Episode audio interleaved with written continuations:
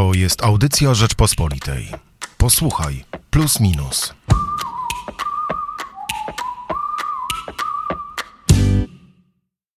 Bez zmiany fundamentalnych zasad działania internetowego rynku nie przekujemy postępu w działający na rzecz człowieka rozwój. Bez reform ryzykujemy wprowadzenie nowych nierówności społecznych. Ci nieliczni, którzy będą dysponować kapitałem społecznym i umiejętnościami opanowania technologii, będą zyskiwać dużo lepszą pozycję. Pisze Bartosz Paszcza w tekście otwierającym najnowszy magazyn Plus Minus. Tym razem przyglądamy się temu, jak przetrwać w cyfrowej dżungli. Michał Płociński i Hubert Selik. Hubert, rewolucja cyfrowa jest z nami no, już od jakiegoś czasu. Nie powinniśmy być nią absolutnie zaskoczeni, a jednak mam wrażenie, że trochę się gubimy. Po pierwsze, nie dyskutujemy o wyzwaniach, którym musimy stawiać e, czoła. Nie przygotowujemy oczywiście żadnych e, wciąż systemowych rozwiązań, choć Unia Europejska ma tutaj pewne pomysły. Miejmy nadzieję, że będą niedługo wdrażane w życie, ale też chyba my sami, prawda, jako, jako jednostki, które muszą się w tym internecie odnaleźć, nie zastanawiamy się zbyt często nad ryzykami, które tam na nas czekają, nad pewnym takim, nazwijmy to, nad higieną e, na nasze, naszego użytkowania e, e, internetu, nad, nad naszym zdrowiem psychicznym w tym internecie. Chyba tak trochę daliśmy się pociągnąć temu nurtowi, popłynęliśmy razem z nim, prawda? Trochę nas to wciągnęło. Mam wrażenie, że, że, że już traktujemy to jako coś absolutnie normalnego, jako naszą codzienność, a nie zastanawiamy się nad tym, jakie na za zasady, choć, choćby sobie samemu narzucić, żeby, żeby z internetu korzystać, być jego podmiotem, a nie żeby stać się przedmiotem rozmaitej rynkowej rozgrywki. Ty dla mnie jesteś trochę taką osobą, który, na którą y, lubię patrzeć, podpatrywać Twoje różne zasady w internecie dotyczące e, bezpieczeństwa, bo jesteś jednym z niewielu, jesteś jedną z niewielu e, jednostek, jakie, jakie znam, e, którzy, którzy podchodzą do tego poważnie, ale mam wrażenie, że, że ludzie jak, jak, jak słyszą o tym, że a, ty czegoś wolisz nie otwierać w internecie, ty jak, przez jakiś sposób wolisz się nie łączyć, albo ty nie masz jakiejś aplikacji, które, którą mają praktycznie już wszyscy, to, to że niektórzy patrzą na ciebie trochę, Hubert, jak na dziwaka, chociaż to ty wydajesz mi się tym normalnym. E, ty nie masz poczucia, że, że, że, że, że ludzie po prostu absolutnie nie rozumieją e, niektórych twoich zachowań w internecie? Szczerze mówiąc, nie. Zresztą nie wiem, czy aż tyle moich zachowań w internecie powinno wzbudzać aż takie zainteresowanie. Zwłaszcza, że nie mam poczucia, żeby one były dziwactwami. To nie pochłania mi dużo czasu. E, że wykorzystuję VPN do czegoś, albo jeśli chcę korzystać z aplikacji bankowej, to nigdy nie robię tego przez jakiekolwiek Wi-Fi. Bo to się sprowadza do, takiego, do takich rozwiązań. Mm. Więc szczerze mówiąc, to co mówisz jest dla mnie trochę zaskakujące. E, Ale moim zdaniem Rzeczywiście jesteś y, osobą, która dysponuje tym takim e, kapitałem e, kulturowym, społecznym, umiejętnościami opanowania e, tej technologii. Według Bartosza Paszczy, to ty będziesz zyskiwał w tym świecie lepszą pozycję. No, tego nie wiem. Zgadzam się z tą tezą, mm, którą postawił Bartosz Paszcza.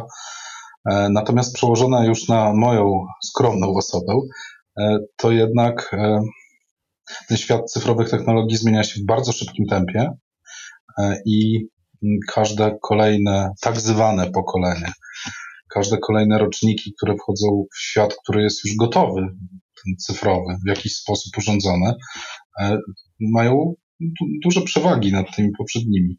Ja z kolei e, zajmuję się komputerami, a może inaczej jestem nimi zafascynowany od małego dzieciaka, więc w zasadzie myślę, że tak jakby policzyć, to już 30 parę lat temu zacząłem prenumeratę Bajtka. Czyli obserwowałem, jak to się zmienia. Obserwowałem każdą, każdy, każdą warstwę i obserwowałem z zainteresowaniem. Każdą warstwę też dlatego, że ten świat na początku był dużo bardziej skomplikowany, ale jednocześnie prostszy. Skomplikowany dlatego, że jeszcze pod koniec lat 80. te aplikacje były proste, a samo programowanie e, dosyć skomplikowane. Bo jednak mm, sięgano do Assemblera jako języka, nie było internetu, później zaczął się pojawiać internet. Pamiętam nawet, jak pod koniec lat 80. czytałem e, e, tekst o tym, jak upada Fleet Street. Nie wiem, czy wiesz, co to jest Fleet Street. Nie mam pojęcia. Fleet Street w Londynie to była taka ulica, na której mieściły się zarówno redakcje, jak i drukarnie. I pod koniec lat 80. przeszła przed, przed Street wielka rewolucja, e, ta taka pierwsza rewolucja, jeszcze nie cyfrowa, ale komputeryzacyjna. E, e, wszedł tam masowo już komputery do składu i zaczęły powoli upadać te drukarnie, powoli te wydawnictwa. Było potrzebne, była potrzebna mniejsza liczba osób do obsługi. E, I tak Fleet Street było takim Wall Street, tylko z zupełnie innej branży. No i ja się wcale nie dziwię. Nie różni nas aż tak wiele e, wiekowo, a jednak w ogóle nie wiesz, co jest Fleet Street. Więc ta, to nie jest wyrzut. Ta, rewolucja, e, ona pozostawia za sobą naprawdę dużo ofiar. I, ale jednocześnie daje mm, niesamowite możliwości. I wypośrodkowanie zagrożeń z możliwościami jest myślę, że wciąż dosyć skomplikowane. Natomiast jestem całkowicie przekonany, obserwując różne wynalazki ludzkości, że zawsze wygrywają te, które nam ułatwiają życie. I zawsze jest tak, że po pewnym czasie się od nich uzależniamy. Z tego punktu widzenia ta cała cyfrowa rewolucja, czy internet, czy, czy media społecznościowe, to jak to się rozwija, nie jest wcale zaskakujące. Przecież trudno żyć dzisiaj zarówno bez prądu, tu już się cofniemy kilkaset, 150 lat wstecz, kiedy nie był on powszechny. Trudno dzisiaj żyć bez kanalizacji, a mamy na przykład w, to w plusie minusie tekst o, o tym, jak powstawały perylowskie blokowiska i jak się okazało, że w ciągu kilkudziesięciu lat kanalizacja i bieżąca woda stały się standardem w kraju, e, który jej nie miał. E, trudno nam żyć bez lodówki, żelazka, komputera. Wszystkie te rzeczy ułatwiły nam życie, ale zawsze ułatwiając życie, są sobie jakieś konsekwencje. E, I, I wiesz, to bardzo duże uproszczenie, ale jeśli ty mi mówisz, że ja podchodzę do niektórych rzeczy ostrożnie, może dlatego, że zdaję sobie sprawę, przy czym zdaję sobie sprawę nie oznacza, że wiem do końca, e, jak, jak działają albo funkcjonują, to tak upraszczając maksymalnie, można by powiedzieć, że no też ktoś kiedyś uczył się obsługiwać żelazka i musiał zapamiętać, żeby e, go nie dotykać, albo żeby nie zostawiać żelazka na świeżo uprasowanej koszuli. A czy zgodzisz się z tym, że trochę płyniemy z nurtem, że nie zastanawiamy się nad tym, jak to wszystko funkcjonuje, jakie będzie miało konsekwencje? E, po prostu nie widzimy już nawet e, tych zagrożeń? No ale to właśnie to trochę to, co powiedziałem. Jeśli coś ułatwia nam życie, to stajemy się powoli od tego uzależnieni. I to nie jest tylko i wyłącznie przypadek na przykład internetu.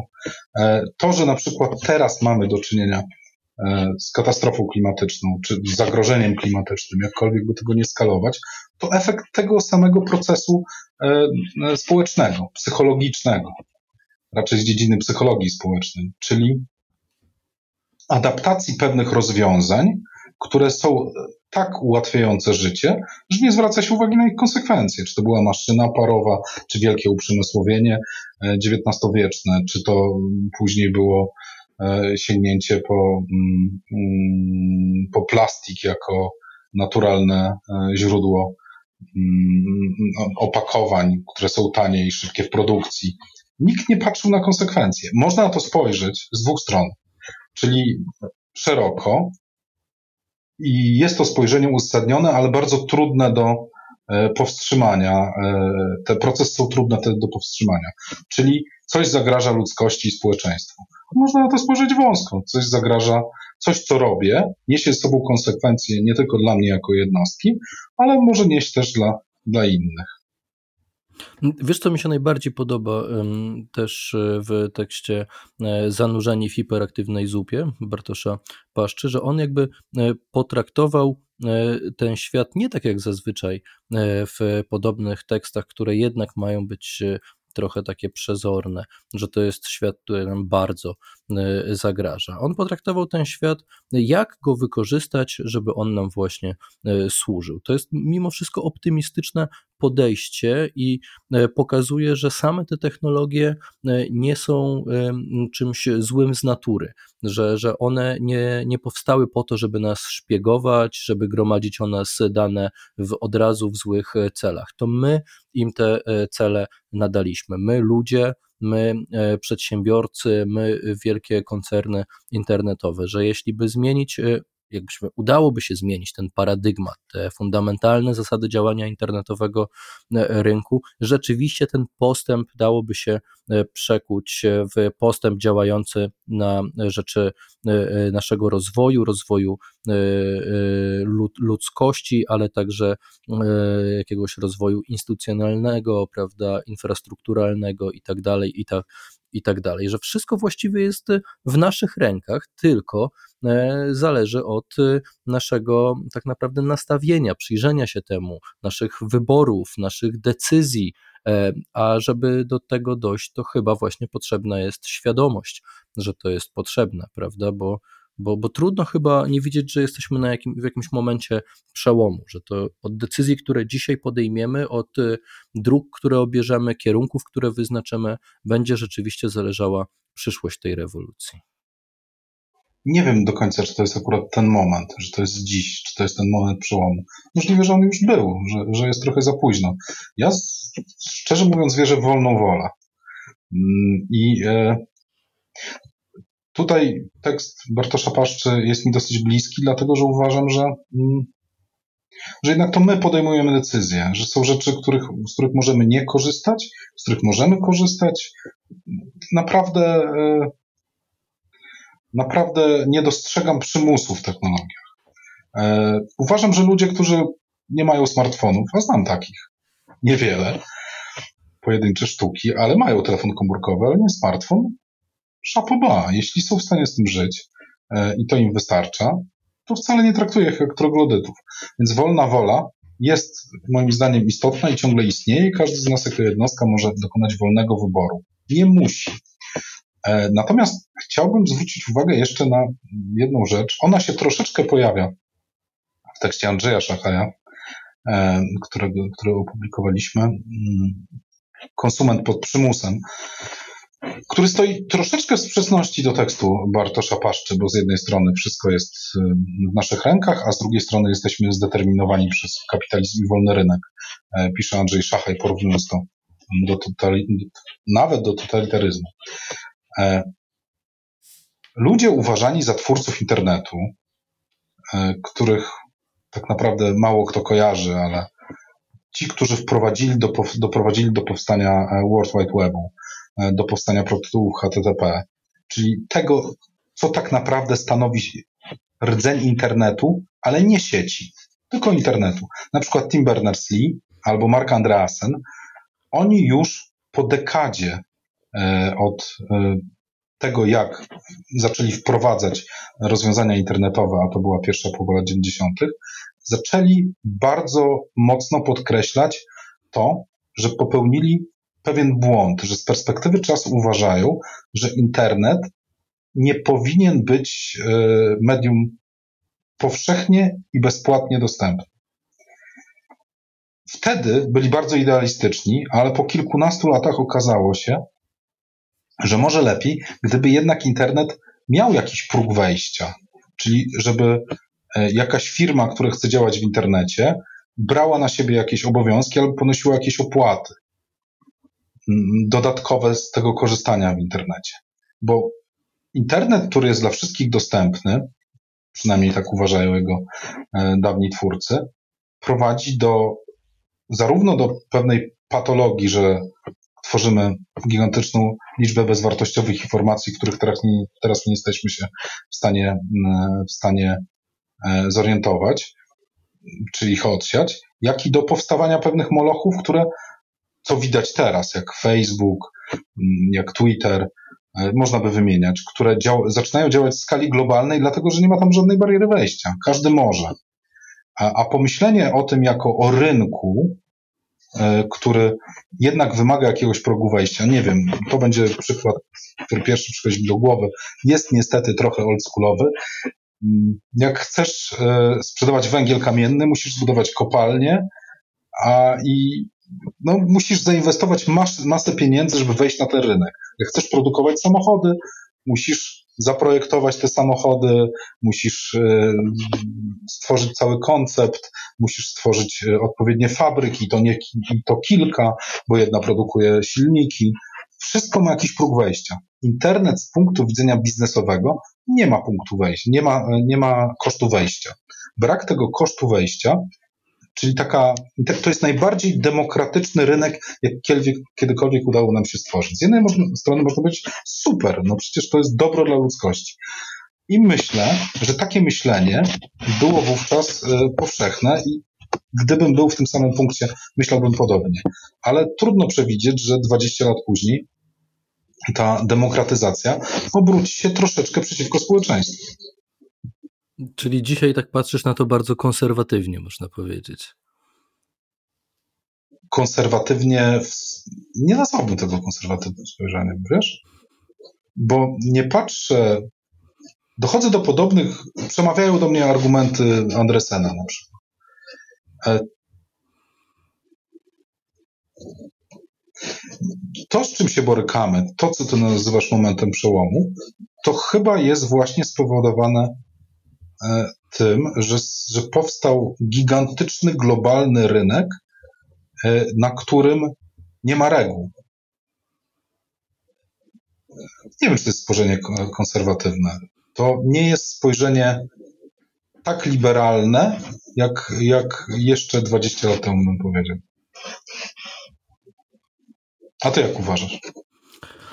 Bo ten wątek nie jest poruszany też w plusie minusie. Jak, czy internet mógł być inny?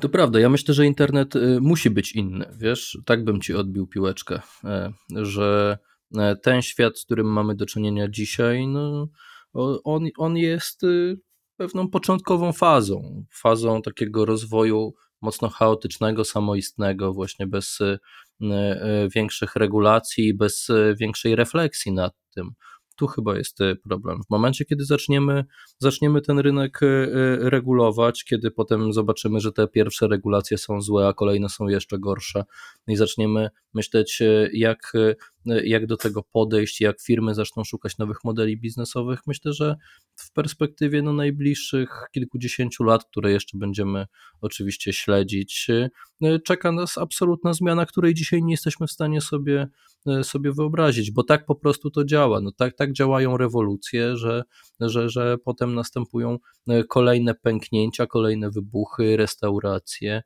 i, i, i czeka, nas, czeka nas mnóstwo, mnóstwo zmian. Nie przyzwyczajałbym się do tego, co jest teraz. Popatrz na przykład na badania, nie wiem, jak ludzie korzystają z tych najpopularniejszych, nie wiem, mediów społecznościowych, Facebook, prawda? Jeszcze parę lat temu 90 parę procent młodych ludzi korzystało z Facebooka. Najnowsze badania dotyczące młodych ludzi na zachodzie, no, widziałem badania, gdzie 1,7% młodych ludzi korzysta kilka razy w tygodniu z Facebooka tak? To znaczy, że 98,3 nie korzysta z Facebooka nawet kilka razy w tygodniu. To nie jest portal, który ich interesuje to znaczy, że media społecznościowe w najbliższych latach się absolutnie zmienią i nawet nie wiemy, w którą stronę e, to się, to się zmieni. Nie przyzwyczajałbym się na pewno do sytuacji, którą mamy dzisiaj, ale co dla mnie jest najważniejsze i dlaczego się cieszę, że poruszyliśmy ten temat w plusie minusie, że naprawdę trzeba zacząć nad tym, e, nad tym myśleć. Tutaj widzę wielką e, przepaść pokoleniową, taką naprawdę, naprawdę olbrzymie pęknięcie że starsi e, ludzie zupełnie inaczej o tym dyskutują i zupełnie inaczej do tego podchodzą, trochę też lekceważąc te e, problemy. E, wśród młodych ludzi internet traktowany jest zupełnie inaczej, ale nie twierdzę, że, że, że bardziej, nie wiem, racjonalnie, z większym zrozumieniem czy, czy, czy, czy wyczuciem. Właśnie to jest to, czego nam czego nam brakuje, poważniejszej refleksji i zrozumienia, że, że to jest jakby najważniejszy problem współczesności, że to nad tym powinniśmy się zastanawiać, że od tego, jak potraktujemy rozwój, ro, rozwój e, internetu, będą zależały w przyszłości właśnie nierówności społeczne, e, go, kształt naszej gospodarki, e, tak naprawdę kształt człowieka, bo mm, fascynujące jest dla mnie to, co mówi na przykład akurat w wywiadzie mi udzielonym Bartłomiej Radziejewski, prezes Nowej Konfederacji, że nie, nie spodziewajmy się, że ta rewolucja mm, technologiczna nie zmieni nas. No, zmieni nas tak samo, jak zmienia, zmieniały e, wszystkie wielkie rewolucje, a może nawet i, i bardziej. Powstanie nowy człowiek, który będzie e, zupełnie miał inne podejście do świata, zupełnie inne społeczeństwo powstanie. Nad tym powinniśmy się skupić, a nie na problemach, które, które są problemami starego świata. No, jeżeli mówimy na przykład, no nie wiem, o tym, co się dzieje w polskiej polityce, popatrzymy na Polski Ład Prawa i Sprawiedliwości, no to jak napisał Michał Sutowski w krytyce politycznej, no niestety to jest y, mm, wszystko y, piękna wizja cywilizacji, której już nie ma, która minęła. To nie są problemy, y, przed którymi stajemy. Cały czas staramy się rozwiązywać problemy sprzed 20-50 lat, a nie patrzymy na wyzwania, które są przed nami, a te wyzwania związane są właśnie z internetem. Albo z klimatem. Ja nie do końca jestem tutaj w paru punktach z Tobą zgodny.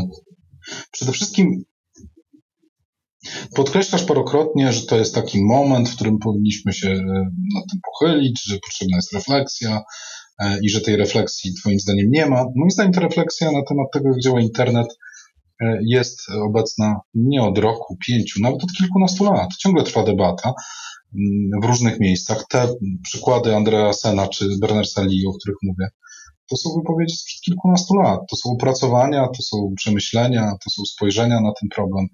E, to jest tak,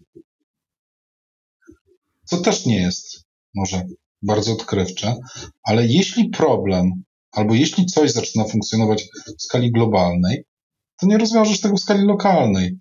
E, I to jest ten pewien klincz, który, mm, który skłania do oceny takiej sytuacji, że adresuje się problemy, że na przykład Polski Ład adresuje problemy sprzed 20-50 lat. Nawet nie chodzi, co się w nim znajduje, choć moim zdaniem akurat problem mieszkaniowy jest problemem bieżącym, ale mm, biorąc na przykład projekty bidenowskie, czy te obietnice Macrona, pewne elementy znajdują się poza decyzyjnością e, polityków na szczeblu lokalnym. Był taki moment, myślę, w ciągu ostatniej dekady, czy momenty i punkty, w których oni zaczęli obiecywać rozwiązywanie problemów. Trump tak robił. Rozwiązywanie problemów, które znajdują się poza jego e, skalą możliwości. I wkrótce się okazało, że te obietnice są niespełnialne. Dlatego pewien pragmatyzm polityczny może nakazywać e, skupianie się na rzeczach, które da się rozwiązać i załatwić. Nie da się załatwić problemu internetu, czy może nie tyle problemu internetu, tylko problemów, które generuje ten świat internetowy, czy świat nowych technologii, bo to się zaczyna poszerzać w znaczący sposób na motoryzację, na, hmm, e, no, na wiele innych sfer życia. Nie da się tego rozwiązać bez jakiegoś panświatowego problemu. Tyle, że świat nie jest jednorodny. Nie chodzi już tylko o to, że mm, Ameryka ma jakąś siłę, e, Chiny mają inne, jedni są demokracją, inni e, autorytarnym mm, kapitalizmem, co kiedyś było nie do pomyślenia w końcu wolny rynek, tylko chodzi o to, że to są zupełnie inne spojrzenia. Pierwszy świat, a my jesteśmy w pierwszym, pochodzimy i żyjemy w kraju pierwszego świata, bez dwóch zdań. Jak ktoś się uda poza Europę, to jest w stanie to zobaczyć poza Amerykę. To, to jest zupełnie inne spojrzenie na sprawę. My mówimy, e, no to niech wszyscy, niech wszyscy wezmą się w garść i e, ratyfikują protokół z Kioto i dotrzymają tych zobowiązań ale ani Chińczycy, ani Koreańczycy nie są w stanie dotrzymać tych zobowiązań, bo mają zupełnie inaczej zbudowane społeczeństwo. Tak samo jest z internetem.